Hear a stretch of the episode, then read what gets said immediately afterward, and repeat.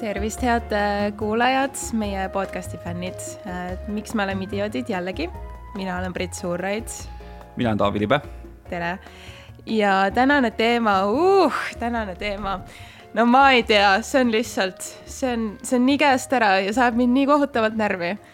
aga see on, see on midagi, millega ma puutun ka päris palju kokku, ütleme nii ja et kui meil on äh, pealkiri, miks me oleme idioodid ja peamiselt me viitame ikkagi iseendale vist, siis mina küll viimasel ajal tunnen, et miks ma olen selline idioot, et ma ikka ja jälle lähen äh, kuhugi kohvikusse ja ma ikkagi äh, saan nagu halva kogemuse, esiteks, et, et toit on nii kallis ja teiseks, need teenindajad, nad on nagu noh, ma ei teagi.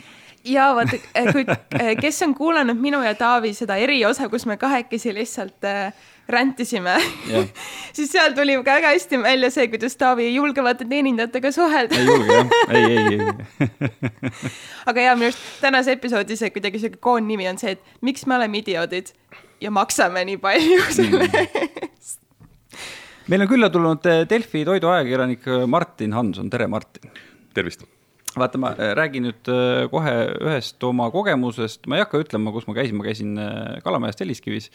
Ja äh, sain sealt täiesti sellise tavalise omleti, maksin selle eest seitse eurot, kas see on nagu normaalne või? mitte midagi seal sees on, kusjuures ma küsisin teenindaja käest, ma olen poolpime ja mul on nagu nii teenindajatega suhtlemine väga raske. ja siis ma ei näinud seal seina pealt, et kas seal on midagi nagu sees ka, et ma ei tea, või, või no on see lihtsalt puhas omlett ja siis ma lõpuks küsisin teenindaja käest, et vabandage, kas seal on midagi sees ka ja siis teenindaja ühmas mulle munad ma rohkem ei julgenud midagi, maksin seitse eurot ära ja sõin, sõin omletti, mis noh, tõesti oli, oli hästi selline lihtne ja no kurat, seitse euro, et selle eest ma ei tea. kas ma olen loll, et ma maksan nii palju selle eest või um,? ma arvan, me oleme kõik lollid, et me maksame nii palju selle eest aga paratamatult um, kui sa tahad seda omletti saada, mille sees on munad, siis uh, sa pead seda maksma, mida küsitakse mm. -hmm, um, ma ütleks niimoodi, et um, mina, mina olen äh, enda jaoks mõtestanud kaks väga olulist asja, mis on, ütleme, restoranide ja toidukohtadega Eestis seotud, on see, et äh, ma arvan, seda statistikat iseenesest ju kuskil nii-öelda väga konkreetselt ei ole, aga ma arvan, et äh, kui võtta pealinn mm, ja elanike arv ja selle suhe näiteks restoranide, kohvikute arvu, siis ma arvan, Tallinn on üks väga rikas linn selles osas. meil on väga palju erinevaid toidukohti, meil on väga palju erinevaid restorane, see aga omakorda tähendab seda, et konkurents on meeletu lisame sinna erinevad maksud, lisame sinna erinevad äh, nii-öelda komponentide hinnad ja siis me jõuamegi nende numbritega sinna, kus me oleme. ja see on teine asi, mida ma olen mõtestanud, ehk et äh, me, asjad maksavad liiga palju ähm,. miks nad maksavad liiga palju? noh, meil tunnist ei jagu, eks ju, et, et see asi nagu läbi analüüsida, aga ma arvan äh, või, või ühelt poolt tähendab see seda, et meil ongi sisendhinnad väga-väga kallid ja inimestega, tööjõud on meeletult kallis, eks ju. Ähm, ja siis teine asi mida ma võib-olla arvan ja noh, ma tean, mis nii-öelda tunde võib see tekitada nendes inimestes, kes eh, hommikust õhtuni selles valdkonnas nagu tegutsevad, aga pisut on eh, see suhtumine võib-olla selline, et eh, ma pigem noh, no võetakse asja nagu elustiilina. ehk et ma ei taha öelda, et tööd ei tahetakse teha, ei taheta teha, aga ei taheta teha massi. et kui sa mõtled nii-öelda hierarhiliselt, kuidas toidukohad peaksid jagunema, siis on sul nii-öelda kunst mis on nii-öelda see fine dining, kus tehakse nagu absoluutseid, absoluutseid tippu, eks ju, me räägime siin näiteks Michelinist, kaks tärni meile tuli, need kaks restorani on selgelt äh, nii-öelda väärt seda, et äh, neid nimetada nii-öelda niisuguseks nagu galeriiks või. siis on terve hunnik äh, väga häid restorane, siis peaks olema noh, põhikiht, mingeid bistroosid, erinevaid kohvikuid ja siis on söökla ja mina ei ütle söökla kohta kunagi halvasti, söökla mm. on väga-väga šef-koht ähm,. seal on klassikalised head maitsed, mida me oleme kodus kõik äh, nii-öelda armastama hakanud ja, ja, ja, ja seda on väga vaja ähm,. probleem Eestis on lihtsalt see, et kunsti tahavad kõik teha. ja siis me olemegi selles hinnas ähm,. kui sa müüksid äh, kolmsada portsu putru hommikul äh,, siis sa ei pea selle eest küsima kolm pool viis eurot. sellepärast, et sa müüd kolmsada portsjonit ja kui sa võtad Exceli lahti, siis sa hinnastad selle teistmoodi ähm, aga noh, ma ütlen uuesti, et ma ei taha kellegi kohta öelda, et tööd ei viitsitaks teha mm. -hmm ehk siis äh, ma saan aru, et need inimesed, kes on, kes on nagu sisenenud Eestis, äh, ütleme sellisesse kohvikuärisse, ärme nüüd päris äh, selliseid tipprestorane võta, kohvikuärisse. et ongi selline inimene, ma tahan nüüd hakata mm, mingit romantilist elu elama, ma teen kohviku, ma seal teen nagu kümmet sorti erinevaid saiu ja erinevaid ökosid toite ja ja nad teevad seda kõike nii vähe, neil on menüü nii pikk ja siis see läheb kinni kalliks, jah praktiliselt niimoodi see välja kujuneb, jah teine pool on muidugi ka see, et äh, noh, mm, see romantiline vaade asjadele on jah, võib-olla see, mis väga palju nii-öelda tegelikult draamat ka tekitab. ehk et noh, optimeerimine, optimeerimine, optimeerimine peaks tegelikult toimuma igal pool, eks ju. et äh, kvaliteet peab olema hea, kvaliteet peab olema mõnus, aga, aga see, kuidas saavutada nii-öelda eelis, peaks tekkima sellest, et sa noh, ütleme ka hinnas suudad tulla alla, aga noh, see tähendab seda, et sa, ma ei kujuta ette, noh toodad lihtsalt öö, äh, odavamalt, suuremalt, teed kellegagi mingisuguse nii-öelda konsortsiumi, eks ju. Mm.. et öö, kui me räägime saiakesest, et siis sa lihtsalt öö, noh, teed viie erineva restoraniga oma nii-öelda pagaritöökoja näiteks, eks ju. aga noh, üldjoontes on ikkagi see, et kui sa vaatad noh, kõiki sisendhindu, elekter, küte, tööjõumaksud, noh, me lihtsalt jõuame tegelikult nende numbriteni midagi ei ole teha. ja ma saan aru, et ähm, teine punkt selles jutus oli nii-öelda teenindus, eks ju mm, -hmm. siis mhm. tegelikult ega me teeninduse kvaliteedis näeme ka probleemi tänu sellele, et äh, meil ei ole inimesi ja me ei jõua neile maksta see on ja, äh, see teenindus on hästi huvitav teema minu arust, sest et mina olen ise töötanud klienditeenindajana ja ma tean, kui raske see töö tegelikult on. ma päriselt usun, et kõik inimesed peaksid, noh, et kui vaata, meestel on kohustuslik käia kaitseväes, on ju, et kõikidel inimestel tegelikult võiks olla kohustus töötada klienditeeninduses, sest et inimesed ei saa üldse aru, kui raske see töö on, aga noh, see selleks, et lihtsalt tihti on ka see, et äh, nendele teenindajatele tahetakse maksta seda noh, mingit seda miinimum, miinimumpalka, neid kerjusekopikaid. Ja siis millega need omanikud siis selle välja vabandavad, et ah, küll nad ju saavad tippi appi ja no ega meil siin ei olegi nagu võimalust kuidagi kõrgemat palka maksta, on ju. aga siis ma jällegi küsin, et oot, aga et kui need toidud on nii kallid, kui nad on, et aga samal ajal te ei maksa ka teenindajatele, et kuhu see raha siis nagu läheb tegelikult?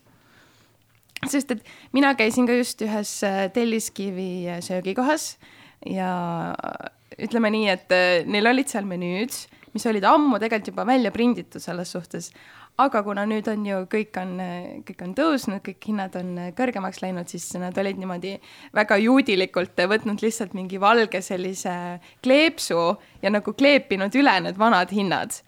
nii et sa samal ajal nägid seda eelmist hinda sealt alt läbi paistmas ja siis me vaatasime, kuidas pearoale, noh, ühele pearoale siis näiteks oli otsa keevitatud suisa neli eurot mm.. kas see on okei okay või? no vot seda peab küsima konkreetselt selle restorani pidaja käest järelikult tema on arvanud, et see on täiesti okei okay. um,. kui näiteks võtta võrdluseks um, Kesk-Euroopa uh, ja, ja sealsed restorani ja kohviku hinnad, siis me oleme tegelikult numbriliselt umbes samas kohas lihtsalt probleem on ju selles, et meie lihtsalt sissetulekud on niivõrd palju madalamad mm.. et ütleme niimoodi, et kui, kui rääkida toidust, toidu kvaliteedist, selle valmistamisele kuluvast ajast, sellest armastusest ja kõigest sellest, mis sinna sisse pannakse, siis tegelikult toidu eest maksta noh, ei ole ju tegelikult nagu patt. et mm, pigem ongi võib-olla veel aspekte sisse tuues ongi see, et meil on lihtsalt väiksed sissetulekud ja noh, hinnad lihtsalt rallivad eest ära. aga minu probleem võib-olla, võib-olla niisugune re-, rebu probleem on see, et äh, väga paljuski kvaliteet ei tule ikkagi järgi. mis tähendab seda, et äh, mul ei ole probleemi maksta hea asja eest noh, ütleme isegi võib-olla natukene paisutatud numbrit, aga ma kahtlen selles jõuliselt, mida ma sealt nagu vastu saan. et ma tean kindlaid kohti, kus ma saan ilma igasuguse nii-öelda probleemita ja, ja, ja ja ütleme kah-, kahtluseta selle, mida ma nagu ootan ja sellest on täitsa fine maksta. sest et noh, sa saad elamuse, keegi on selle nimel tööd teinud, aga jamaks läheb siis, kui noh, tegelikult sa tunned, et sa tegelikult sööd seda eurot, mitte ei söö seda toitu, mis sul on taldriku peal, sest et sa saad aru, et ja noh, minu puhul näiteks ütleme niimoodi, ma ei ole väga hea kokk või, või ütleme, tippkokk, kaugel sellest, ma pole restoranis selles mõttes kunagi töötanud kokana. aga ma teen kodus palju süüa ma noh, julgen väita, et ma teen päris hästi.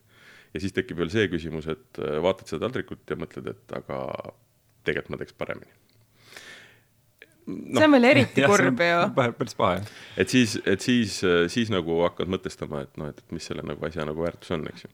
et selles mõttes äh, see mm, noh, ma olen ise väga palju seisnud või istunud äh, menüüde ees ja vaadanud neid hindu ja aru saamata, miks nad nii suured on.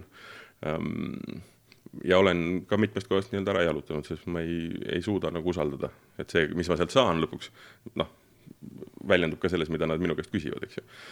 aga küsimus, miks need numbrid on sellised, siis noh, ma arvan, sellele vastamine, seda võib vastata nagu iga nurga alt, noh üks, üks mõte, mis mul veel on, mida kindlasti jälle enamus hakkavad salgama ja neile see ei meeldi, aga, aga, aga noh, midagi seal ei ole teha, sest et ja see ei ole ainult nii-öelda kauba või selles äh, restorani või kohviku valdkonnas, see on ka väga paljudes muudes valdkondades, on nii-öelda hinna peegeldamine mis tähendab seda, et kui sa näed, et sinu kõrval või lähedal on kohvik või, või restoran või mis iganes koht, mis on nagu hindu tõstnud, siis ega sa ei saa olla nõrgem, sa tõstad need järgi siis see nii-öelda niisugune peegeldamine käib edasi-tagasi, eks.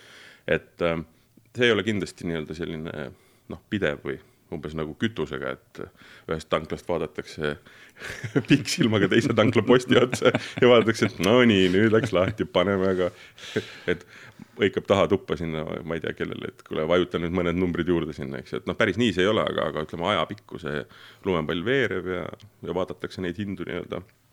Ähm, mitte sellest võib-olla lähtuvalt üle, mis on teinud muud hinnad, vaid see, mida teeb konkurent ja, ja sinna see nagu läheb muidugi mängu tuleb tuua kaks asja ja noh, need on mängus meil absoluutselt igal pool.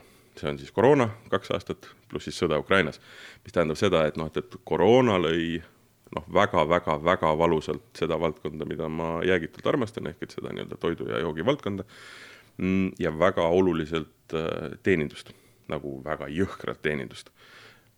ja siis loomulikult äh, nii-öelda siis äh, see taristu probleem ja nüüd sõjast tulenevad nii-öelda Äh, noh, mis iganes ka samamoodi logistilised probleemid, on tegelikult ka tõstnud hindu igal pool.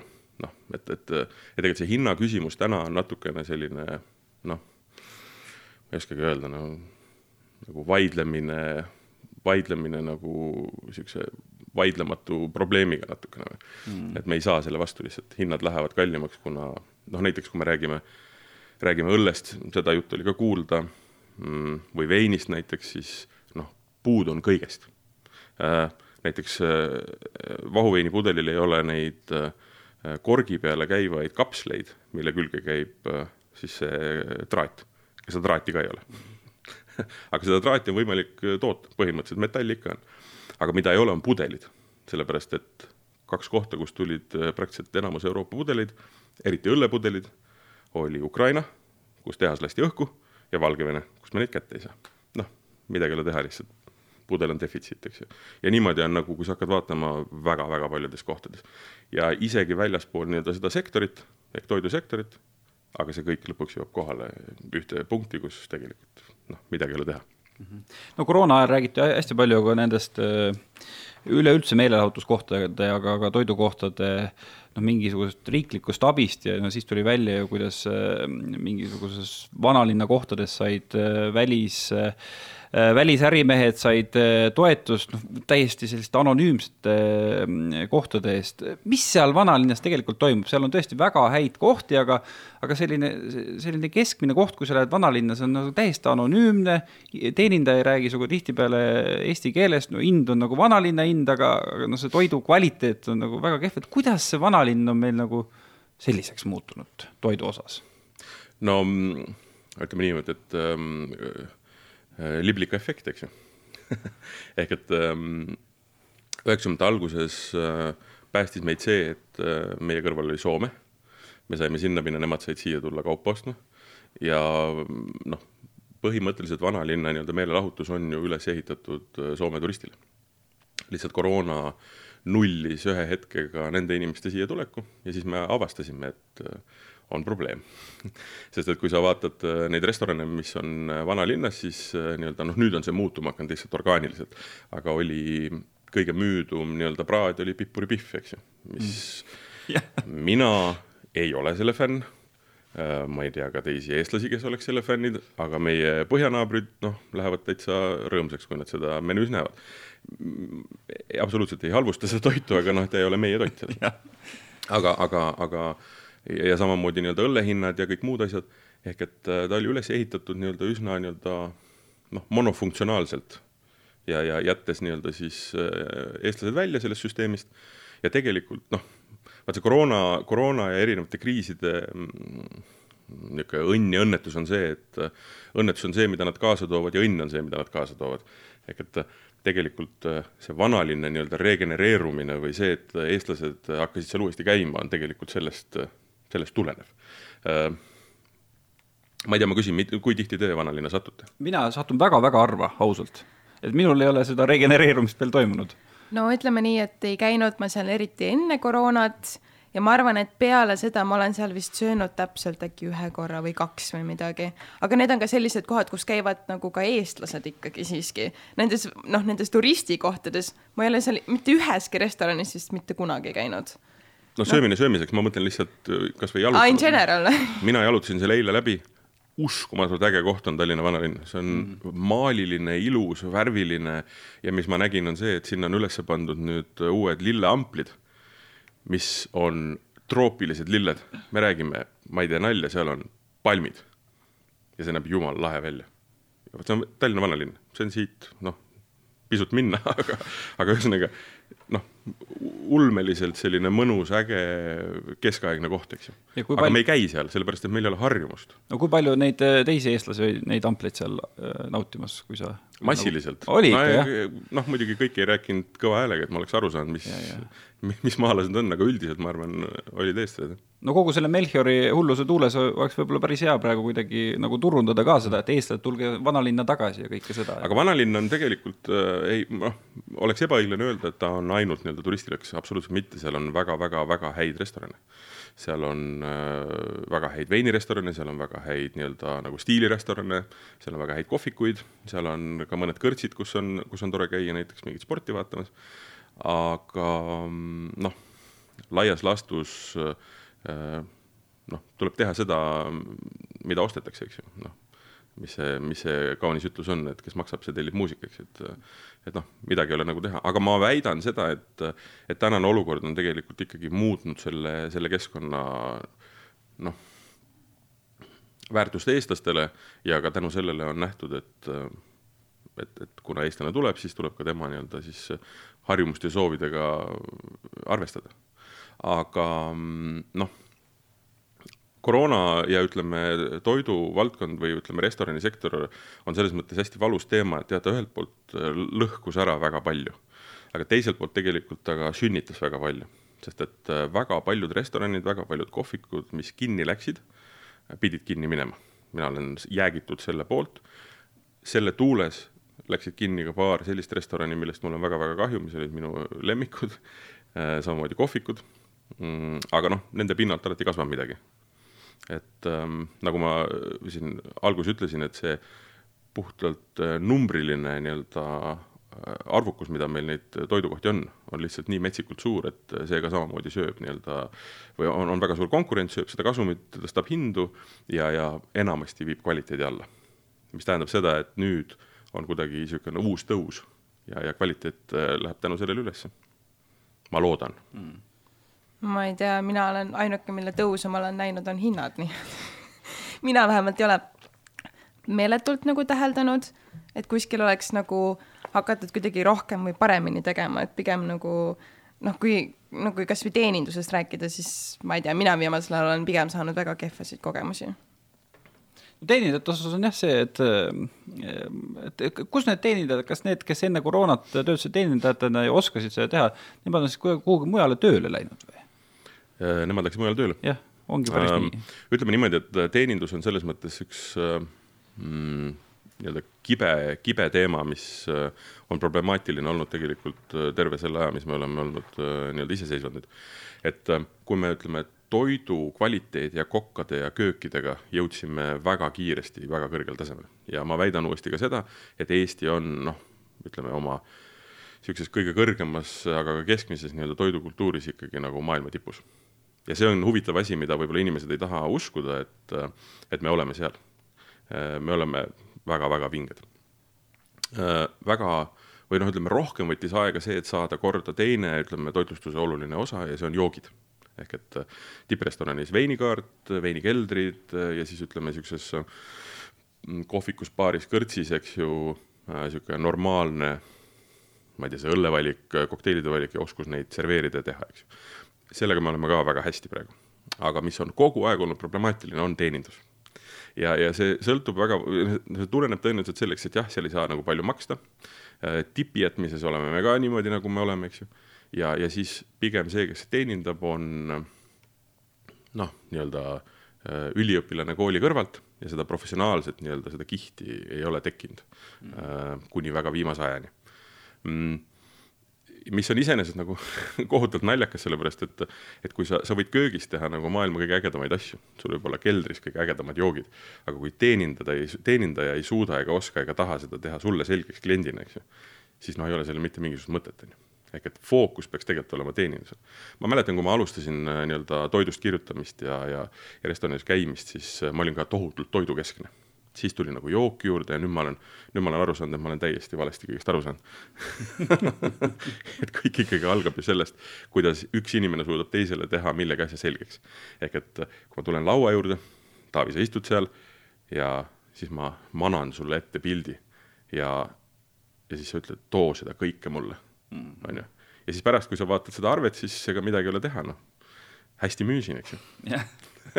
aga, aga, aga kui me selle aktini nagu ei jõuagi, siis sa vaatad, noh, too mulle üks klaas vett ja on sul seal mingit võileiba, eks ju, noh, kaks kakskümmend ja lahkume peaaegu sõpradena, aga võiks ju hoopis nagu põnevama niisuguse aja, aja koos veeta, eks ju. aga mm, enne koroonat oli selline olukord, kus oli tekkinud väike nii-öelda tõeliste professionaalide nii-öelda äh, ma ei tea siis kiht, kes noh, tõesti fännavad ja teevad seda soomelijad, teenindajad, ähm, erinevad kokad, kes on tulnud siis nii-öelda ka saali.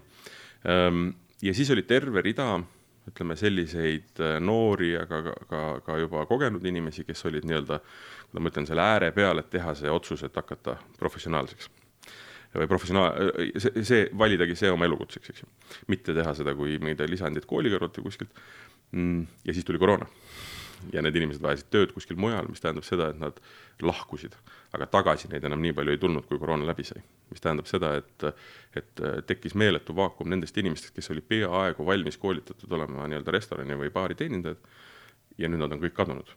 aga kus on inimesed, aga, aga, aga noh, teenindada on vaja mis tähendab seda, et võeti järgmine hunnik noori, aga nendega ei olnud aega tegeleda enam, nemad pidid kohe hakkama noh, töötama mm. -hmm. ja noh, sealt need probleemid hakkavad, on ju.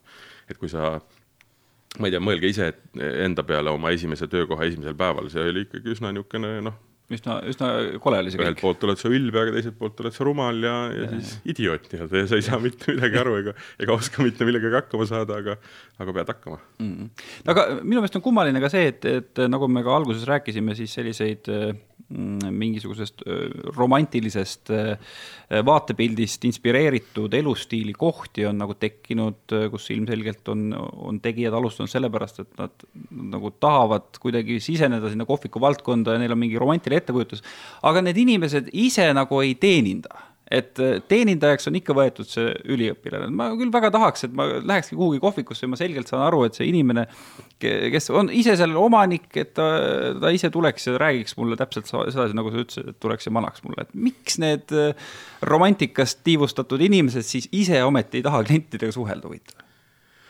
Mm,? Äh, lööme selle romantika korraks kaheks, eks ju yeah., jätame romantika alles, aga lööme kaheks. Ühed teevad seda sellepärast, et ongi romantika, et jube cool on omada kohvikut või restorani. ja teised teevad sellepärast, et äh, pappi saada? ei, papp sõbrad, pappi ei saa niikuinii. sõbrad, pappi te ei teeni sellega. see, see, see nägemus on nüüd ütleme selline ikkagi ütleme juba lähme, lähme luulevormi, ju. et, et pappi on võimalik teenida absoluutselt, aga noh, ütleme rikkaks ei saa selle tööga mm, -hmm. mis sa sinna sisse paned yeah mis see nali on, et äh, kuidas saada miljonäriks, kui kõige kiirem viis saada miljonäriks on see, et tuleb äh, investeerida miljard lennundusse. et see on nagu hästi kiire viis, kuidas kuidas saada miljonäriks, et noh, umbes, umbes sama seis on nagu, nagu selle toiduvaldkonnaga mm., et äh, kes tahab saada rikkaks, palun tegelege ükskõik millegi muuga, sest et aja ja rahakulu, mis läheb sellesse töösse versus see, mis sealt vastu tuleb, on rahalises mõttes on nagu väga vales nii-öelda siis äh, suhtes. aga ma ütlen, ühelt poolt on need romantikud, kes teevadki sellepärast, et jube tore oleks omada kohvikut, saab seal käia, istuda ja siis rääkida ja saada sõpradega seal kokku, ja teine on need, kes, kellel see on elustiil. kes see ongi, nemad sellega hommikust õhtuni tegelevad, elavad seda rütmi siis äh, need restoranid, kus inimene, omanik on kohal, need toimivad väga hästi. Jätame jälle hinna kõrvale, aga, aga räägime nii-öelda teenindusest, räägime kvaliteedist. ta jälgib seda kogu aeg. Ja siis, kui sa lähed järgmisse kohta ja saad nii-öelda negatiivsema kogemuse, siis võib-olla enam kui kindel, et see on, äh, et see inimene, kes seda kohta omab, sada protsenti seal kohal ei ole, et see ei ole võib-olla tema nii-öelda siis elu, eks ju, et ähm, midagi ei ole teha, see valdkond on selline valdkond, kus sa pead olema kohal. ja kui sa ise ei ole kohal, siis äh, noh, vastutus on selline, ütleme, liiv, mis jookseb nagu näppude vahelt ju minema, eks ju. et äh, kui, kui sina ei ole see, kes äh, seda asja ei juhi, siis tegelikult ei juhi seda nagu väga keegi. noh, jätame kõrvale suured ketid, eks ju, aga üldiselt noh, kohvikud kuuluvad tavaliselt ühekaupa, kahekaupa kellelegi, eks ju. ja kui nemad teevad seda hingega ja ainsa asjana põhimõtteliselt, siis tegelikult asjad toimivad ja no selle, sellega ma võin nagu sada protsenti nõustuda, sest et ma võin omast kogemusest rääkida, et esimene koht, siis esimene selline kohvikrestoran, kus ma töötasin, vot meil oli ka samamoodi omanik, kes, ta ei olnud nagu praktiliselt mitte kunagi seal kohal lihtsalt. me ei näinud teda mitte kunagi ja kui ta tuli, siis see oli nagu, see oli nagu mingi keegi tuli a la, et issand, et omanik tuleb kohe ja kõik olid kohe nagu, et aa, miks ta tuleb, vaata, sest et meil ei olnud seda harjumust, et ta seal oleks. Ja kui ta käis, siis ta alati nõmetses ka veel meiega, et see oli nii ebameeldiv, kui ta seal reaalselt oli. Ja see oligi näha, et see äri ei toiminud, sest et ta ei, ta ei hoolinud, ta delegeeris kõik oma ülesanded lihtsalt juhatajale, kes siis delegeeris need umbes meile ja no nii me seal nagu tiksusime ja tegime oma asja, aga noh, ta ei olnud kunagi seal. oma arust oli mingi tohutult inspireeriv mingi guru meile, aga nagu me ei näinud teda praktiliselt kunagi. ja siis teine koht, kus ma töötasin omanikud käisid seal iga jumala päev, nad olid ise köögis, nad aitasid teenindada, kui vaja oli, sest noh, nad päriselt hoolisid sellest kohast ja nad hoolisid, kuidas meil läheb. et see oli nende jaoks nii oluline, meil olid koosolekud, asjad ja siis noh, siis oli reaalselt nagu rõõm neid näha ja nendega suhelda, sest nad päriselt tahtsid nagu, et see koht toimiks. et see oli kuidagi nii kardinaalne vahe minu jaoks, et ma olingi nagu vau, onju, et noh, tõesti. see on ikkagi niivõrd oluline, kui sul on omanik, kes päriselt nagu, kellel läheb korda, et mis seal toimub. vaata, üks ähm, huvitav niisugune misconception või vale arusaam, mida, mida tegelikult mina ka väga pikalt nii-öelda evisin, on see, et, äh, et köögis lõuatakse noad ja, ja, ja ütleme, taldrikud lendavad kogu aeg ja kõigil on tohutu hirm. ütleme, maailmakuulus kokk Gordon Ramsay on seda nii-öelda oma äh, erinevate saadetega väga nii-öelda jõuliselt äh, kultiveerinud ja, ja väga paljudel ongi arvamus, et selline ongi üks restorani köök, eks ju äh,. ka mina arvasin seda väga pikalt, sest et ütleme, üheksakümnendate ja kahe tuhande alguse köögid tegelikult ka Eestis olid sellised noh, niisugune väga-väga niisugune ütleme, testosteroonist nõretavad kohad, eks ju aga kui sa mõtled nüüd selle peale, et mis asjad on, mis, mis asjad köögis on. Äh,, väga teravad noad äh,, kuumad pliidid, tuli äh,, kuumad vedelikud, äh, noh, ühesõnaga tohutult palju asju, mis sind väga kiiresti tappa võivad mina ei tahaks, et seal toimuks sihuke action nagu Schwarzeneggeri filmis kuskil metsas kus no see ei tundu, see ei tundu, noh rääkimata turvalisusest, noh, see on ka ebainimlik. Mm.. mis tähendab seda, et kui sa lähed täna nii-öelda restorani kööki või ka kohviku kööki, siis on seal rahulikkus, aasimine loomulikult, sellepärast et päeva peab ju lõbusaks tegema, aga seal on koostöö seal on äh, mõnus õhkkond ja see on see, mis tegelikult selle kvaliteedi tagab. räägi mulle, mis, äh, mis ütleme, kana praadimisest nagu juttu saab olla, kui sul on kogu aeg hirm, et keegi sulle nagu mingi nuiaga kuklasse lööb, noh mm. -hmm.. noh, see ei lõppe hästi, eks ju, noh, ütleme ähm, hakkimisel äh, lastakse kõik sõrmed sirgeks, eks ju, et, et noh, see on täitsa ebanormaalne, ehk et tegelikkuses äh, vastab igal pool ju täpselt seesama reegel tegelikult tõele, et äh, kui on sõbralik keskkond, siis on õnnelikud inimesed, siis on hea teenindus ja nii edasi, on ju, see kõik on lumepall, mis veereb tegelikult lõpuni välja, on ju sa korra mainisid enne jooke, et noh, et okei okay,, söök on paigas, võib-olla heal juhul teenindus ka ja noh, joogikaart siis eraldi, on ju. nii, vot see on lihtsalt üks teema, mis ajab mind täiega kettasse, sest ma ei saa sellest aru. keegi palun selgitage nüüd mulle seda. nii, ma lähen restorani, on ju, ja ma tahan ma ei tea, tellida näiteks klaasi veini või kui ma lähen, eks ju, kahekesi elukaaslasega, tahaks võtta pudeli veini, sest noh, ikka tore, tead, tuled välja sööma, sul on see restorani elamus. ja siis see pudel veini, mis muidu maksab poes võib-olla, ma ei tea, kaheksa eurot, võib-olla kümme eurot, on ju. ja siis ta seal on laksake, kolmkümmend eurot ma ei osta seda pudelit veini, sest ma tean, et ma saan selle poest nii palju odavamalt. et kas see on nüüd siis see, et oo oh,, et aga et see on ju ikkagi nüüd see elamus ja kõik või, või on see alkoholi sisseostmine neile nii kallis või et miks on alkohol nagu absurdsete hindadega restoranis, sest see päriselt nagu peletab mind sellest täiesti eemale ja ma põhimõtteliselt ei telli restoranis nagu alkoholi, sest ma lihtsalt tunnen, et see oleks nagu, see on nagu raha lihtsalt mahaviskamine Ehm, vastus on väga lihtne. Äh, alkohol on see, kus tegelikult äh, teenitakse raha. Ehm, kui sa mõtled äh, ühele, võtame taldriku täis, ütleme mingi pearoog näiteks. Ehm, kui palju on läinud sinna selle nii-öelda valmistamiseks tegelikult raha, eks ju, ütleme, räägime tooraine, räägime töö, räägime elekter, kütus, noh, kõik, kõik asjad, mis tähendab seda, et kasum selle toidu pealt on väga-väga väike. see noh, väga niisugune, ütleme ütleme äh, juustuviil, mis, millest on peaaegu mööda lõigatud, eks ju, on sinu kasum sellest, sellest võileivast, eks ju um,. alkohol on see, ka kohvi, kus tegelikult teenitakse, teenitakse see kasum, mille pärast või millega on võimalik nii-öelda tuled põlemas hoida uh, sa võtad pudeli veini, teed selle lahti, valad välja ja juba, juba jookseb raha, eks ju. sa ei pea väga palju temaga nagu vaeva nägema hindadega, ütleme veinipudeli puhul on niimoodi, et tavaliselt sisseostuhind pluss korda viis-kuus on see, mis võiks see pudeli hind olla. arvestada tuleb sellega, et ühest pudelist saab, ütleme, kuus pokaali, kui sa mõtled, et pokaal on niisugune viis-kuus eurot, siis sinna see pudel nagu, nagu läheb, eks ju ähm,. väga palju kohti on tulnud nüüd juurde selliseid, kus sa saad minna oma veiniga. See tähendab seda, et sa maksad korgitasu, mõnes kohas on see kümme eurot, kuskil on viisteist, võib-olla ka vähem. Mm, ja sulle serveeritakse sinu vein sa pead pärast mulle ütlema, mis kohad oota, mis, vaata, ma olen nüüd nii loll, et mis asi, mis, mis see tähendab üldse? mis, mis kuradi korgitasu Va? vabandust, sa pead panema siia stuudio seina peale suurelt selle sildi, mis saade on, siis mul on silm ees. idioodid, selge. vabandust, lähme, lähme tagasi. sisuseletus nüüd lihtsatele kuulajatele ehm, korgitasu tähendab seda, et sa lähed oma pudeli veiniga Ehm, annad selle siis äh, teenindaja kätte, ta avab selle, serveerib selle ja sa maksad siis nii-öelda korgitasu ehk et äh, oma veini joomise eest mingisuguse summa. Et sa ei pea nagu sealt koha pealt ostma veini, vaid sa võtad ise. Maximast läbi ja siis maksad veel viisteist euri selle eest no,, et ma saan seda juua. no üld- noh, laias laastus. Tegelikkuses selle mõte on see, et äh, noh, meil on seda nagu vähem, aga, aga nii-öelda tõsistes veiniriikides on see, et ikkagi kõikidel on oma nii-öelda veinikelder. ja seda küll, jah. ja veinikelder ei tähenda seda, et sul on kuskil nii-öelda oma põranda all mingisugune tohutu nii-öelda kelder, eks ju, aga see tähendab seda, et sul on mingi varu. ja tihti need varud on ostetud ju selle järgi, mis sulle endale meeldib mm. -hmm. ja sa tead, mis sulle meeldib.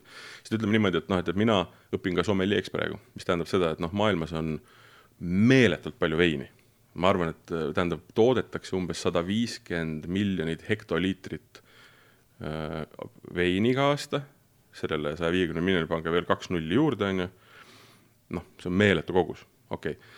Äh, mis tähendab seda, et äh, ei olegi võimalik, et sa tead kõiki asju ja kogu aeg nagu eksled selles ja otsid uusi maitseid, eks ju.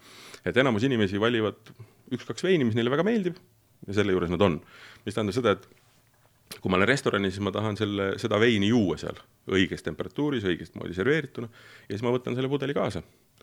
Äh, see ei tähenda seda, et sa lähed, käid enne Prismast läbi võtad, võtad viie eurose veini, maksad kümme juurde ja kõik ongi hästi. sa võid seda teha absoluutselt, aga noh, mis selle mõte on, eks, et sa lähed ja, ja. ikkagi veini jooma selle mõttega, et keegi on sulle selle valiku teinud, pakub sulle, jälle me jõuame selle teeninduse juurde, eks ju, et, et ta manab ju, sul on nii-öelda mingisuguse pildi sellest veinist, sellest elamusest, mis sa saad. sest ega söömine, joomine, noh, ütleme niimoodi, et tanklas käimine ei ole nagu probleem, selles mõttes, et mm -hmm. ei pea üldse väga mõtlema selle kalori ja, ja kalorsuse nagu kättesaamiseks, aga kui me käime söögikohas, siis me tahame mingit elamust saada mm. -hmm. ja see elamus tähendab seda, et see inimene, kes meil vastas on, peaks selle meile ära selgitama, et miks just see vein võiks täna sobida selle emotsiooni, selle, ma ei tea, ilma, selle kõigega, eks ju.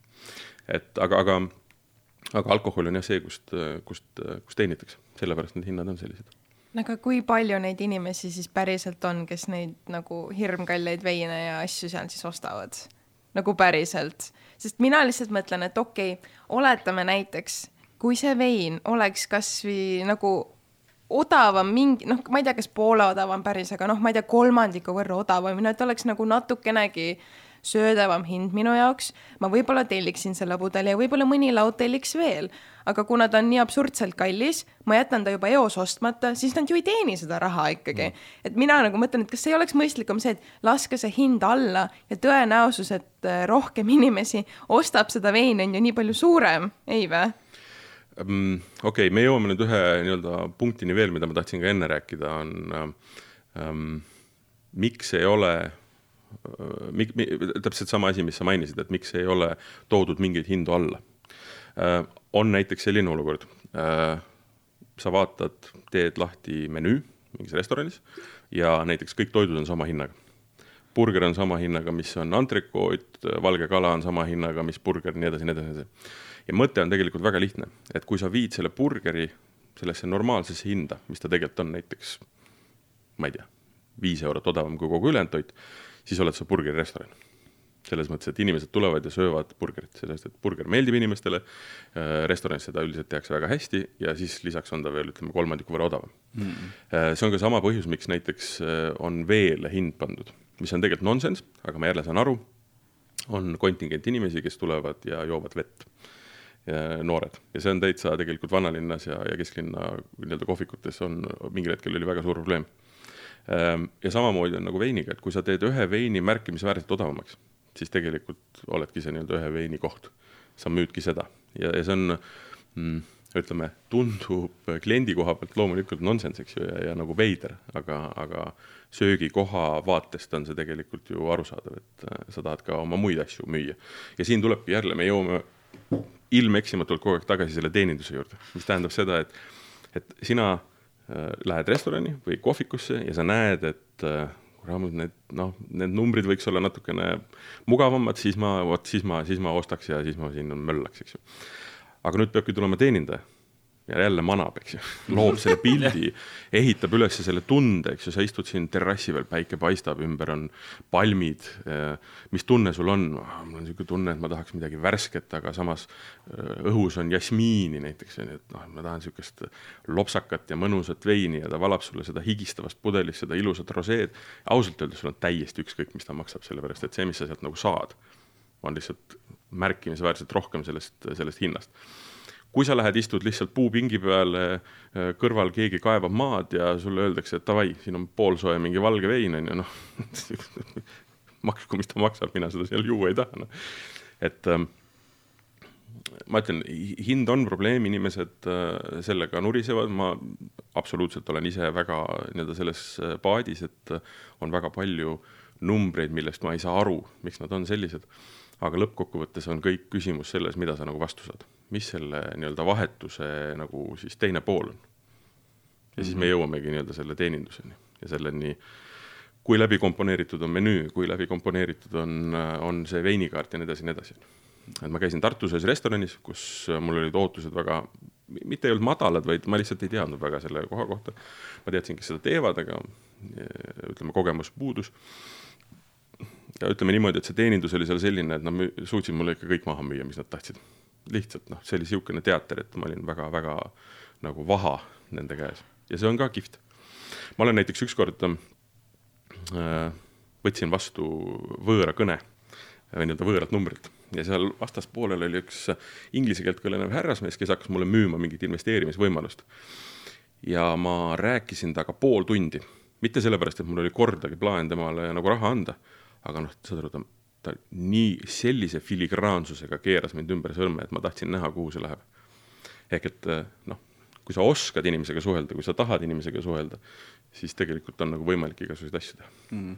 Lähme korra ühe korruse võrra allapoole ja tuleme selle puupingi retoorika juurde, et, et me rääkisime hästi palju sellest, et Tallinnas on hästi palju kohti ja konkurents on, on suur, aga kui me läheme Tallinnast välja, lähme ka Tartust ja Pärnust välja, siis Eestis on ju ka väga palju selliseid väiksemaid eh, linnasid, kus, kus olukord on ikka tohutult nigel, mul tuleb meelde, ma olen hästi palju Eestis ringi sõitnud, selline koht nagu Räpina, ei ole maailma kõige väiksem koht, ei ole ka Eesti kõige väiksem koht. Ja siis me läksime Räpina hotelli jõudsime sinna reede õhtul kell kuus ja küsisime, et kus saab süüa. no hotellis ei saanud süüa -hmm. ja siis äh, teenindaja ütles, et, äh, et Räpina ühes otsas on Maxima ja teises otsas on Olerex ja see on kõik, mida reede õhtul kell kuus on võimalik Räpinas nagu toidu saamiseks äh, nagu kasutada.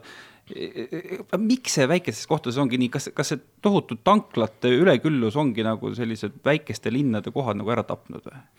Ähm, Räpinast rääkides, siis äh, muuseas nädalavahetusel ma olin motomatkal ja siis ma sõbraga, kes Räpinas elas viisteist aastat, äh, temaga just arutasime seda, et seesama äh, hotell, mida sa mainid yeah., et seal ta ütles ka, et seal enam süüa ei saa. kuigi seal oli väga hea köök oli seal muuseas.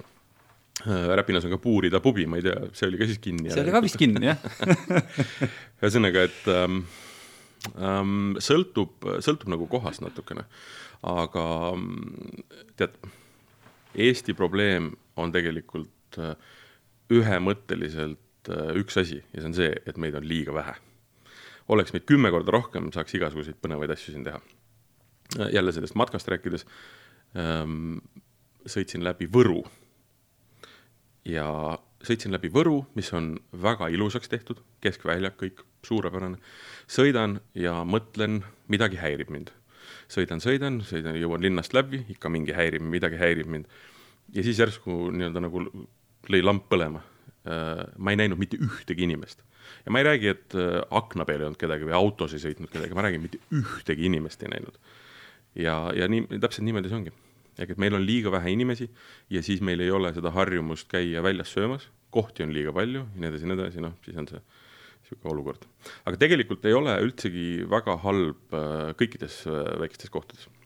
Ähm, mina käin tihti Otepääl ja Käärikul, seal on söögikohti nagu muda. iga, igasuguseid, igast varianti, mida sa tahad mm -hmm.. tõenäoliselt jälle sellepärast, et seal käib rohkem inimesi, eks ju mm. -hmm. see on natuke äh, teistsuguse spetsiifikaga koht on oma selle spordibaasidele ja. samamoodi Tõrvas on väga, väga lahedad toidukohad ja Viljandis ja tegelikult neid leiab. me käisime Suure-Jaanis Äh, kas ma eksin, kui seal oli Arturi kohvik, väga head äh, pirukad olid seal, noh, ühesõnaga, et tegelikult neid kohti nagu leiab, aga, aga nad on enamasti lõunakohad ja, ja, ja noh, kohalikule inimesele mõeldud. aga mis ongi väga, väga nagu kihvt, et ma arvan, see Räpina sul lihtsalt juhtus seal niimoodi. ja siis on sul jäänud, jäänud trauma, jäänud trauma ja see mulje, et igal pool on nagu jama, aga, aga noh, lähed saartele, igal pool on midagi, et, et noh ta on, äh, ütleme, tuleb võib-olla rohkem otsida selles mm -hmm. mõttes, et peab nagu võib-olla tegema natuke research'i enne, et äh, või, või, või et päris nii jah ei ole, et astud nagu igale poole sisse ja kohe nagu teenindatakse, aga aga ei ole, ei ole kõige hullem. ahah, aga no see, see peab ikka siis veel rohkem äh, oma raha peale vihane olema ja peast põrunud, kes nagu väikesesse linna läheb veel mingit söögikohta tegema, kui me enne rääkisime, et mm. et ega rikkaks selle pulliga ei saa rikkaks sellega ei saa, noh, eks, aga, aga noh, ma ütlen, ma tulen uuesti selle juurde tagasi, et tehakse kohalikele. Mm.. ehk et ähm,, aga mis on uus trend ja muuseas, sellest rääkisid äh, kokad mulle ka enne seda, kui äh, kui ütleme, koroona üldse tuli, oli see, et, et ma küsisin, noh, et mis võiks olla nagu uus suund või uus nii-öelda mõte. siis tegelikult ka paljud mainisid ka seda, et tahaks teha restorani või, või kohviku kuskile metsa keskele, kus on näiteks õhtul üks kate, viisteist inimest ja korjan asjad sealt metsast, mida ma lauale panen ja nii edasi, nii edasi, eks ju. et tegelikult see on nagu natukene käima läinud ja selle põhjus oli jälle koroona.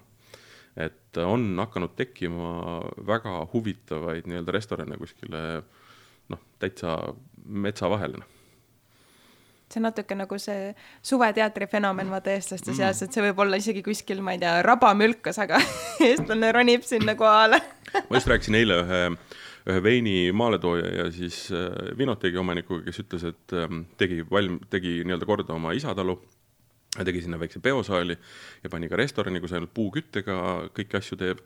ütles, et ei ole kodulehte, ei tee mingit reklaami, aga noh, võiks iga päev lahti olla. ehk et äh, ehk et inimesed leiavad üles koha, mis on põnevas kohas ja, ja huvitav ja, ja, ja teistsugune, nii et aga noh, eks see on jällegi, sõltub sellest, et äh, kui sul tuleb pealinnast inimene, siis see on nagu üks inimene, on ju, aga mida see kohalik teeb mm. -hmm. et äh, ma ütlen uuesti, meil on, meid on liiga vähe, et äh, et tegelikult igal pool võiks olla noh, kogu aeg lahti mingisugune toidukoht, on ju. see tankla teema, mis sa tõid, on tegelikult, äh, ma ei ole isegi ausalt öeldes selle peale tõesti niimoodi mõelnud. See on kindlasti üks äh, põhjus ka, miks ütleme, ei ole mõtet kohvikut teha, sest et sul on kohvik olemas nii-öelda seal, eks ju. ja ega see tanklatoitude nii-öelda kvaliteet äh, ta on täitsa okei okay ju tegelikult. et ta ei ole midagi erilist, ta ei ole midagi, midagi võib-olla liiga põnevat, eks ju, aga kõhusad täis. kohvi on enamasti ju väga hea kõikides tanklates, nii et minu arust need tanklad on isegi hakanud nagu rohkem rõhku pöörama sellele toidule, et noh, kunagi ju vaata, ma mäletan, oli mingi äh,, äkki oli, ole, ei Alexela või keegi, kes umbes tegi reklaami, et noh, et meil saad ainult kütust, et meil kabanossi ei saa umbes onju. ja nüüd on nagu just see, et kui sul kabanossi, kui sul, kui sul, kui sul ei ole seda kabanossi, siis kes üldse sinna tuleb, onju. et minu arust see äh, no see tanklakett, mis äh, oli vanasti palju toredama suupärase nimega, nemad minu arust kogu aeg nagu lükkavad uusi asju lihtsalt järjest sinna menüüsse juurde, et noh, et et jumala eest, et nagu inimesed tuleks meie juurde sööma. kuigi minule tundub ikka nii kummaline kontsept, et et ma lähen nagu tanklasse einastama. no mis maailmas mm.? Ilmselt ma ei ole ka see klient, vaata, sest et ma ei, ma ei käi tanklates. no see on, see on ikka tohutult populaarne, kui me, mina sõidan ka hästi palju ringi, siis tõesti see olukord on niimoodi, et kui ei oleks neid automaattanklaid, tanklate juures, siis sa jääkski lihtsalt mm -hmm. ootama oma bensiini eest maksmist, sellepärast et, et toidusabad on ikkagi eh, hommikuse ja õhtuse tipptundi ajal täiesti meeletud mm, -hmm. sa võid seal oodata kakskümmend minutit reaalselt. sellepärast need automaattanklad on ka sinna pandud. jah, täpselt äh, no sellest on räägitud juba väga-väga ammu, et äh, ütleme jah, viiskümmend, viiskümmend on see suhe umbes, isegi võib-olla nüüd toidu kasuks või noh, kõige selle kauba kasuks, mis ei ole kütus, eks ju. aga noh, sealt ka põhjus kas see on Kanada firma on, ma saan aru, me ei, nimeta nimesid, eks ju. võib ikka et äh, kanadalased vist ostsid, miks Kanada nii-öelda väikepoodide kett ostis ära tanklaketi, eks ju, sellepärast et ta on tegelikult ju nii-öelda kodulähedane pood. Piltlikult, kus müüakse ka kütust, eks ju mm. -hmm. aga ma ütlen, minu, minu nagu seisukoht on väga selge see, et tegelikult ei ole nagu olemas halba toitu. küsimus on lihtsalt see, et kuidas ta valmistatud on ja teine asi, kui tihti seda sööd üks näide, mis ma veel toon, ma ei mäleta, mis aastast see võis olla, aga ütleme üks viisteist, võib-olla kakskümmend aastat tagasi, siis oli uudis äh, Ameerika mingisuguse keskmaa mm, siis osariigi kohta, kus avastati ühel kümneaastasel poisil skorbuut, mis on teada-tuntud nii-öelda meremeeste haigus, kui nad C-vitamiini ei saa, küüned ja hambad kukuvad ära, eks ju. kümneaastane poiss Ameerika Ühendriikides ja siis selgus, et tema oli teda toitnud äh, nagu aastaid kolm korda päevas McDonaldsiga. mis tähendab seda, et kui sa kõikide asjadega nagu lähed üle võlli, siis on tulemus üsna ühene, on ju. Mhm. samas ma lugesin paar kuud tagasi uudist äh, sellest äh, legendaarsest äh, McDonaldsi fännis, kes vist oli viiskümmend aastat nüüd iga päev söönud kolm Big Maci päevas ja nägi täitsa okei okay välja, et ei olnud häda ja skorbuuti ka vist ei olnud. ma arvan, ta läks pärast autosse ja, ja, ja kooris kiiresti ühe apelsini võib-olla tõesti, võib-olla tõesti. kuule, aga me ei saaks ikkagi eh, toiduteemalises podcast'is äh, nagu kümmet punkti kümnest kirja, kui me ei räägi sellest tohutult populaarsest toidukullerite teemast ka. ütle nüüd ausalt, Delfi toiduajakirjanik Martin Hanson, kas need toidukullerid on äh, nagu restoranidele kahjuks kahjuks või kasuks mm.?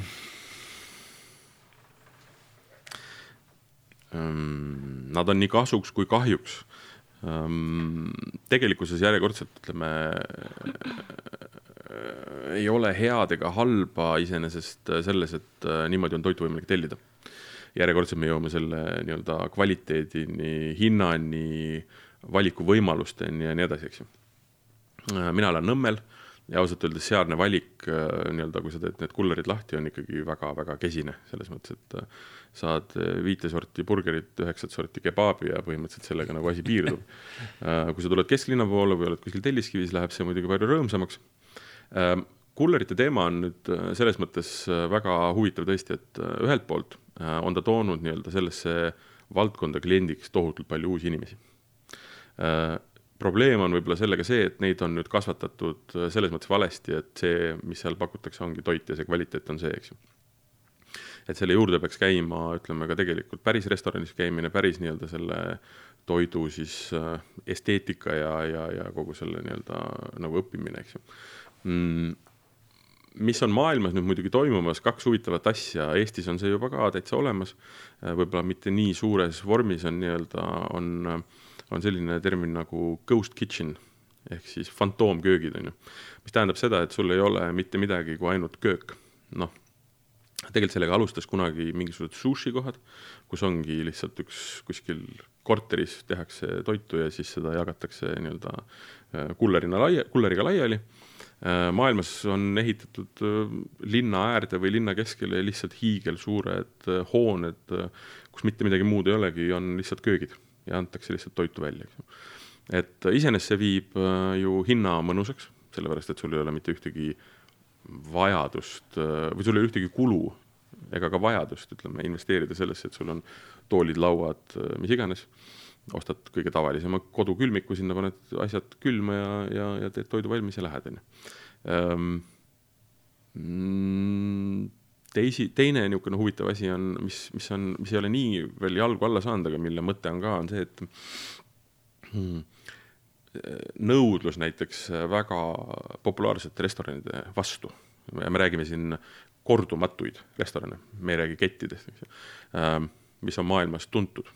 Liimas, Peruus näiteks on restoran, sellel on mingi väga šef äh, nii-öelda menüü, aga noh, sa saad seda nautida seal konkreetses kohas. Aga sa oled nõus ka sellega, et mööndustega see menüü tuleb näiteks sulle kodulinna. noh, võib-olla Tallinnasse loota seda on nagu palju, aga ütleme New Yorki näiteks mis tähendab seda, et sealsamas kuskil köögis keegi teine teeb seda menüüd, müüb seda mingi teise hinnaga ja kas ta läheb nüüd siis kulleriga või ta on sul põhimõtteliselt ka sa ikkagi nagu klassikaline restoran, et sa tuled laua, istud lauda ja sind teenindatakse. et äh, see valdkonnas on toimumas tegelikult nagu väga, väga nagu põnevad, põnevad nagu muutused. veel üks osa on ju see, et äh, saab tellida nii-öelda poolvalmis äh, nagu õhtusööke mm. -hmm. ehk et äh, kõik asjad on sinu jaoks nii-öelda välja mõõdetud, välja hakitud, tõmmatud äh, vaakumisse ja sina siis lihtsalt paned kodus selle kokku selles mõttes see kogu see toidu ja, ja selle söömise ja selle tulevik on, on äärmiselt põnev, sest et me tegelikult ei tea, mis saama hakkab, mismoodi inimesed sööma hakkavad kümne, viieteist, kahekümne viie aasta pärast, eks ju. on tehtud väga palju arendusi, näiteks selliseid, kus korterites kööki enam üldse ei ole mis tähendab seda, et mingi generatsioon neid isegi ei huvita, sest nad on nii jäägitult nii-öelda selle tellimise või väljassöömise mm, noh, nii-öelda siis äh, rattas. mis tähendab seda, et koju ei ole kööki vaja. kui sul on sõltuvalt ütleme, ma ei tea, korterist on sul kas ta viis, kümme või, või viisteist ruutmeetrit, noh, sellega annab ju midagi palju põnevamat teha, kui sa tegelikult seda ruumi ei kasuta ähm,. ja siis tähendab seda, et näiteks on ka sellised arendused, kus ongi üks korrus on nii-öelda bistroo või söökla. Maksad näiteks igakuist abonementi ja saad seal kolm korda päevas näiteks süüa. või sulle tuuakse kuskilt, on ju, noh, mis iganes variandid. et tegelikult see, see söömise viis on nagu väga niisugune fluidaalne. teisipidi me tuleme jälle tagasi selle nii-öelda vana kooli juurde, et me teeme kodus süüa. koroona jälle tõukas meid sinna mm. -hmm mida jälle siis inimesed avastasid, see, et nad tegelikult ei oska köögis mitte midagi teha, mis tähendab seda, et nad teevad väga algelist, väga paljuski ka ebatervislikku toitu, eks ju. Et ähm, ma arvan, et see järjekordselt, et ükski, ükski osa sellest tervest mustrist ei ole nagu halb. aga noh, järjekordselt, kui sa lähed sellesse äärmusse, et sa tellid äh, mugavusest äh, kolm korda päevas nii-öelda burgerit, kebaabi ja jumal teab mida, eks ju, läbi nii-öelda kullerite, siis lõpuks on see noh, on see esiteks kallis ja teiseks ei ole see tervislik, et äh, kõik need asjad kuidagi kokku sobitada on tegelikult nagu mõistlik, et noh, mina ütlen, kui on kiire, ma näen selgelt, et mul ei ole aega köögis olla, kus ma tegelikult väga, kus mulle meeldib olla, kuller on väga hea lahendus. et noh, ei ole tegelikult nagu halbu asju. aga kui sa küsid, et mis on nagu hea või mis on nagu halb selle puhul, vabandust, on see, et ähm, mm, see toit, mida võib-olla tahetakse kulleriga saata, äh, ei ole tegelikult selleks mõeldud mm. see, mis sul restoranis vastu vaataks ja mis sul vaatab sellest tsellofanist karbist vastu, noh, see ei saa ju olla sama, eks ju. Mm.. mis tähendab seda, et noh, kohe lülitatakse välja mingisugune valdkond või mingisugune osa sellest äh, nii-öelda toidu valmistajatest. Um, on, on olnud juhtumeid, kus ma olen läinud seda rumalat teed, et äh, väga heast restoranist võtnud õhtusöögi ja noh, see oli ka viimane kord, sest et midagi ei ole teha, see ei ole nende süü vaid see on lihtsalt selle olukorra süü, et kui see mulle koju jõuab, siis ta näebki välja täpselt selline, nagu ta oleks kaks korda põrandat läbi käinud, mida ta ei ole. Nemad teisel pool tegid suurepärase asja, aga lihtsalt see vorm ei, ei luba nagu minule pakkuda seda elamust, et, et ähm, noh ähm,, ütleme niimoodi äh,, maailma number üks restoran äh, Eleven Madison Manhattanil äh, selleks, et koroonas hakkama saada äh,, panid nii-öelda selle menüü, mis neil tavaliselt on, kapi ära ja mõtlesid välja täiesti uue midagi, mida ongi võimalik nagu deliver dada siis äh, kulleritega mm,. seal oli burgereid, seal oli paosid, seal oli noh, sada imet, eks ju. ja nad komponeerisidki selle välja, et seda selles karbis saaks ka presenteerida nii, nagu noh, maailma number üks restoran seda teeb restoranis. aga nad nägid vaeva ja kuna nad on nii populaarsed, siis tegelikult nad suutsid sellega hoida ennast äh, elus. Et äh, siis tagasi tulla nagu sellesse valdkonda, kus nad nagu päriselt äh, nagu tegutsevad. et noh, ma ütlen, et järjekordselt see see nõuab teistsugust lähenemist, et sa ei saa sedasama toitu panna karpi ja lihtsalt saata ära, on ju. et, et selles mõttes ütleme, need äh, toidukullerid ja siis äh, need nii-öelda äh, eesruumita köögid, on ju, kust lihtsalt toitu tehakse, on tegelikult väga hea match. kuna seal mõeldaksegi, kuidas see toit nagu karbis välja näeb, kuidas ta maitseb, kui ta jõuab mis iganes aeg hiljem nii-öelda siis selle sööjani et kui sa lihtsalt võtad restorani toidu, paned karpi, siis see näeb ikka päris kohutav välja mm. -hmm. tema elamus ei ole see ja ta maksab palju ja noh, siis ongi nagu halvasti, eks. ja, jah. no ma pean tunnistama, et, et see koroona vähemalt meil küll kodus äh, väiksemale lapsele mõjus, et siis tellisime nagu tihti, keegi külas ka ei käinud. nüüd nagu Pavlovi koer põhimõtteliselt, nagu uksekell on, siis hakkab tal ila tilku, et mingisugune söök tuleb selle asemel mõelda, keegi külla võib see tulla. ja, ja, ja, ja. et aga millistes kohtades sul endale meeldib käia mm.? mulle meeldib käia väga erinevates kohtades. Äh, ma ei saa tuua välja, ütleme võib-olla mingisugused erisused, kuna puhtalt tänu selle mm, nii-öelda ka tööle ma üritan hoida noh, võimalikult laia nii-öelda pilti, kus käia. Äh, aga kus mulle meeldib käia, mulle meeldib käia sellistes kohtades, kus on võib-olla ühtepidi kodune, aga teisipidi nii-öelda üllatuslik. ehk et selles mõttes äh, Äh, maitsed, sellised, mis, mis pakuvad alati, isegi kui nad on võib-olla sama asi, pakuvad nagu uusi nüansse kogu aeg, eks ju. Äh, Aasia meeldib mulle, Aasia toidud meeldivad mulle väga.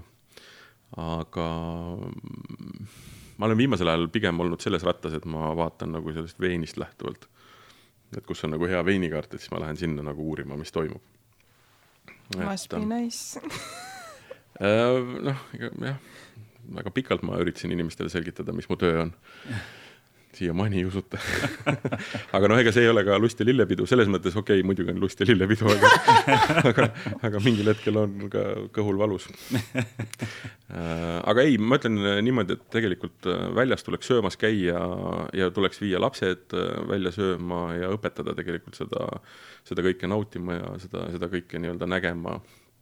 Ja noh, ütleme, kui me räägime siin toidust, siis näiteks üks asi, mille vastu ma olen nagu äärmiselt tugevalt, on see, et et on laste menüü. vot, ma tahtsin ka, kui sa lasteni jõudsid, see on täiesti kohutav. see kuramuse laste menüü tuleks nagu kohe visata prügikasti, sest et äh, see õpetab äh, mitte midagi, see õpetab ainult nii-öelda halb, halb, halba kultuuri. Ehk et kui sa teed nagu suurepärase restorani, komponeerid täiskasvanule nagu mingit uskumatut äh, kunsti ja siis seal lastele on nagitsad ja friikartul ja väiksem koorene kanapasta, mis on nagu veel kõige õudsem nendest siis tegelikult see ei, see ei ole okei okay., et äh, noh, me oleme ju kõik kuulnud tohutult palju neid jutte, mis laste kohta räägitakse, et ta ei söö seda, ta ei söö seda, ta ei söö kolmandat, talle ei maitse see. ütleme niimoodi, et kui lugeda raamatuid, mm, siis tegelikult äh, nii-öelda inimese maitse kalibreerimine algab tegelikult ema kõhus, seda, mida ema sööb mm. -hmm. ja selle kohta on tehtud väga palju nii-öelda uuringuid ja teste, ehk et kui näiteks äh, emale anti küüslaugu kapsleid mm, -hmm. siis äh, laps soovis ka sünnijärgselt küüslauku. ja on võimalik niimoodi noh, ütleme, et mõte ongi ju selles, et, et inimene harjub sellega, mida, mida, mis keskkonnas ta elab, mis tähendab seda, et ka lastega on tegelikult see, et kui sa neile annad, annad erinevat, erinevaid asju süüa, siis nad tegelikult harjuvad sellega ja nad ei põlga. aga kui nad ei ole asjaga harjunud, kodus ei pakuta, siis tegelikult äh, miks ta peaks seda sööma kuskil mujal, eks ju. ja see nagitsate ja ütleme, laste menüü ongi selles mõttes üks, üks kohutav asi, et, et tee lihtsalt sellest äh, põhimenüüst mingi valik, võta ära tõesti, noh, sa ei pea kalmaari pakkuma, eks ju. et tee mingisugune nagu lihtsustatud asi, aga jäta need maitsed, jäta see olemus samaks. ja see on tegelikult kõige, kõige parem kool aga miks need restoranid ei tee seda, kas see on ikkagi siis eh, nende jaoks nii palju kallim, et nad teeks mingi väiksema portsu või teise valiku võrreldes sellega, et sa tõesti nagitsaid ja friikartulit kütad neile?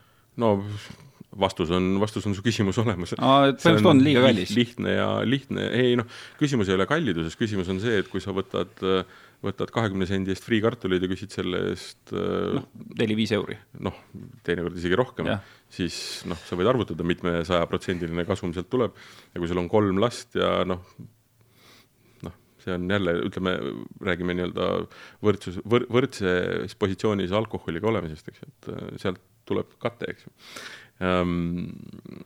sest kui sa võtad sellesama, ütleme, lastele mõeldud väiksema portsjoni põhitoidust, ega selle tegemine võtab ju sama palju aega. ta võtab vähem materjali, aga aega võtab ta sama palju. et noh, ütleme majanduslikus mõttes ma saan sellest nagu aru, aga ütleme toidukultuuri mõttes see ei ole, see ei ole nagu okei okay no mina tean ka lugusid, kuidas täiskasvanud lähevad restoranidesse ja tahavad laste menüüst asju tellida. ja ma mäletan kunagi meile öeldi, et ei tohi müüa täiskasvanutele laste menüüst asju mm., sest sa ei saa vaata seda raha nende käest siis no, kätte. see on arusaadav, muidugi.